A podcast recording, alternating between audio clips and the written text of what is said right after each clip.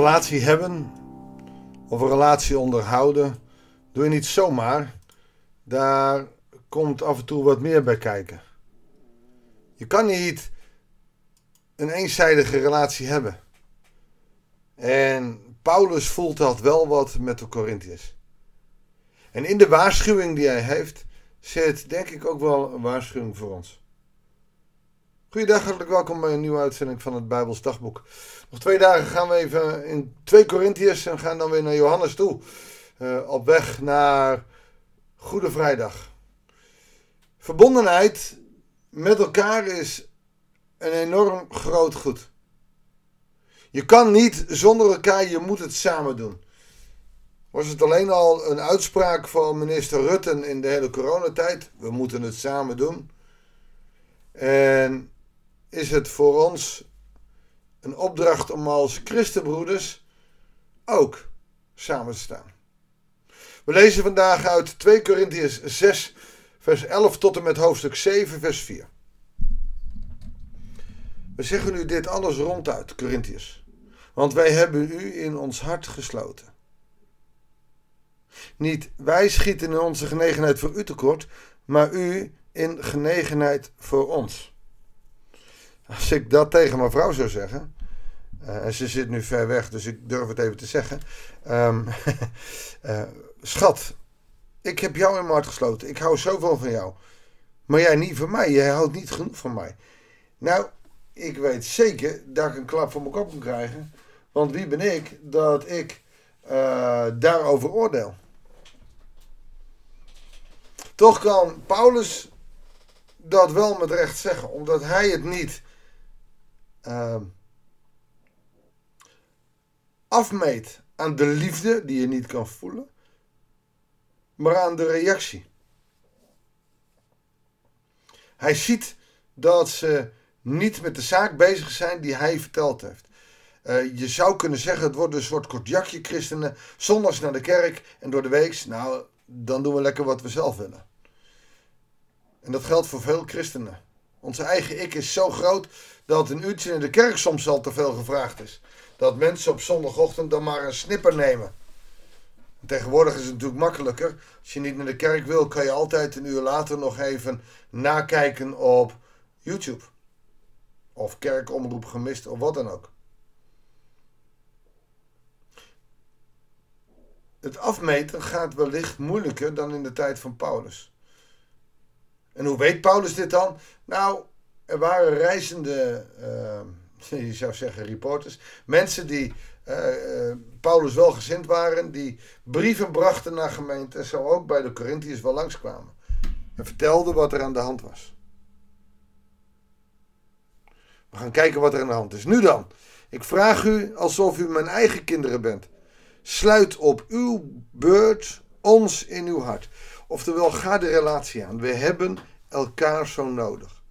Loop niet in één en hetzelfde span met ongelovigen. ook dat is voor deze tijd heel moeilijk. Kijk alleen maar naar relaties. Oh nee, ja, mijn vriend of mijn vriendin, uh, dat geloof niet, maar ik kan daar wel mee overweg. Het gekke is dat de eerste paar zondagen het goed gaat, dan dominee Dekbed het overwint.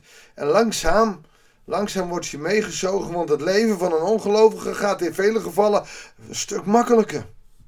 Nee, ik, ik, ik respecteer mijn partner dat hij gelooft. Maar ondertussen, hoe groot het respect ook is, het is verschrikkelijk moeilijk. En daar waarschuwt Paulus voor. Loop niet in hetzelfde span met ongelovigen. Dat span, dat is dus het span wat je hebt over twee stieren die voor een ploeg lopen. Dat is één houten plank waar twee gaten in zitten die over de nek gaat, touw eromheen, zodat beide stieren kunnen trekken. Als je allebei gelovig bent en eenzelfde span hebt, dan gaat het veel beter. Maar de Corinthiërs die laten zich te veel in met niet-gelovigen. Want wat is de verwantschap tussen gerechtigheid en wetteloosheid? Wat heeft licht met duisternis te maken? Wanneer of waarin lijken Christus en Beliar op elkaar? Beliar is een, uh, een afgod die in de Corinthiërs uh, duidelijk aanwezig is. Wat hebben een gelovige en een ongelovige gemeen? Ik heb uh, op mijn Facebook-account een filmpje van EO gedeeld. Waarin een uh, atheïst zei: Ja, eigenlijk is atheïsme leeg. Ehm, je kan er niks mee, je hebt geen doel. Dood is dood. En weg is weg. En ehm, als je een kindje krijgt, is het geen wonder. Het is gewoon seks en dan krijg je een kindje. Is heel normaal. En als je daarnaar luistert, dan zie je wat Paulus hier bedoelt. Waarin lijken uh, een gelovige en een ongelovige op elkaar? Wat hebben zij gemeen? Heel weinig. Een ongelovige gaat heel vaak de oppervlakkigheid in en gewoon gezellig en heb het hier maar goed. Terwijl een gelovige het hier wel goed wil hebben, maar niet ten koste van alles, omdat er een toekomst is waar ze het ook goed wil hebben. Dat betekent dus dat je een doel hebt. En als je in eenzelfde span met een ongelovige zit, dan is het ontzettend moeilijk. En waarin lijken Christus en Beliar op elkaar? Nou, nergens in. Want Christus vraagt om in hem te geloven, maar dat geloof dat kost je wat. Beliar is zo'n stenen beeld. Die wil wat geld en die wil dat je knielt. Maar voor de rest mag je lekker doen wat je wil. En dat klinkt allemaal veel leuker. Het reclamebord van de duivel is in die zin veel mooier. Het gaat om macht, seks en drugs. Uh, of of uh, uh, macht, status en auto's. En noem maar wat. En van God of van Christus. Heb God lief. En daarnaast als jezelf. Wat heeft de tempel van God met afgoden te maken? Wij zelf zijn de tempel van de levende God. Zoals God heeft gezegd.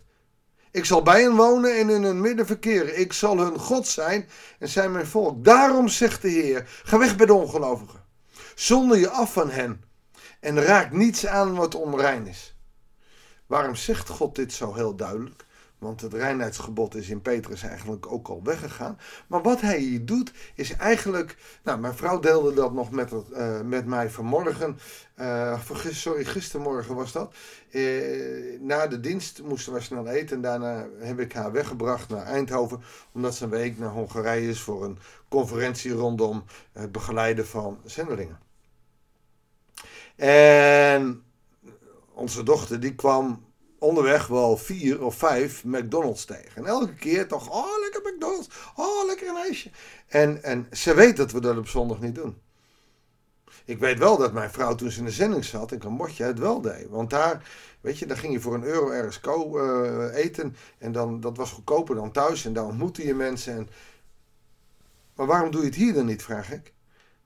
Omdat ik deze dag apart wil houden omdat God deze rustdag, hè, het was zondag, niet heeft gegeven om niks te mogen, maar om tot rust te komen. En als we een ijsje gaan eten, als we uit eten gaan, dan is die dag heel gauw een gewone dag die niet meer uh, apart blijft van de anderen. En dat is wat Paulus hier ook bedoelt. Ga weg bij ongelovigen, zonder je van hen af. Dat betekent niet dat je uh, ongelovigen moet negeren, maar word niet hetzelfde met ze. in Nederland uh, zijn in de grote steden op zondag de winkels al open. En het zal nog een paar jaar duren dat ook op de Bijbelbelt heel veel winkels open zullen zijn. Ga weg bij ongelovigen betekent, ga je daar niet aan begeven want ze zullen je meezuigen. Niet in gemene praktijken, maar ze halen je weg bij de rust en ze halen je weg bij God. Nee, raak niets aan wat onrein is, oftewel hou je bezig met het reine. Dan zal ik jullie aannemen en jullie vader zijn en jullie mijn zonen en dochters, zegt de Almachtige Heer. Je hoeft niet volmaakt te zijn, maar wel dicht bij God leven. En dat betekent rein leven. Ik ga even snel door naar de laatste vier versen. Uh, en het zijn de eerste vier versen van hoofdstuk 7. Omdat ons deze beloften zijn gegeven, geliefde broeders en zusters, moeten we onszelf reinigen van alle lichamelijke en geestelijke smetten en vol ontzag voor God ons hele leven leiden. Heilige, toon uw genegenheid voor ons. Wij hebben niemand onrecht aan gedaan, niemand te gronden gericht, niemand uitgebuit. Ik zeg dit niet om u te beschuldigen, Want ik heb u al eerder gezegd dat u ons zo naar, na aan het hart ligt dat we met u in leven en sterven verbonden zijn. Paulus zegt, ik geef hem jullie. Ik wil dat jullie ook gered worden.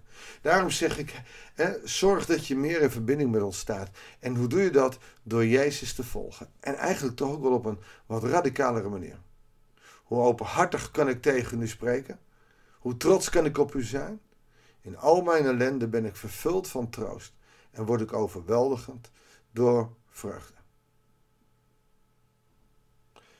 Dat is het woord van God voor vandaag. Mag ik kort met je bidden? Heere God, het vervult mij van vreugde als mensen proberen oprecht te leven naar uw wil. En het is en blijft altijd een zoektocht, maar Heere God, zegen ons zo in die zoektocht. Geef ons uw genade, uw liefde en kracht, opdat wij kunnen leven zoals u dat van ons vraagt. En dat betekent op zondag niet alleen maar dingen niet doen omdat het niet mag, maar omdat we rust nodig hebben, omdat we ons daardoor ook mogen laven en sterken. Heer, dank u wel dat u onze God bent. Zegen ons zo. Help ons om zo die radicale boodschap, ook van Paulus en de Corinthiërs, eh, eigenlijk ook ons toe te eigenen. Heer, zegen ons zo en behoed ons zo. Deze dag en de week die komen gaat. Dat bidden we u in Jezus' naam. Amen. Dankjewel voor het luisteren. Ik wens je God zegen en heel graag tot de volgende uitzending van het Bijbels Dagboek.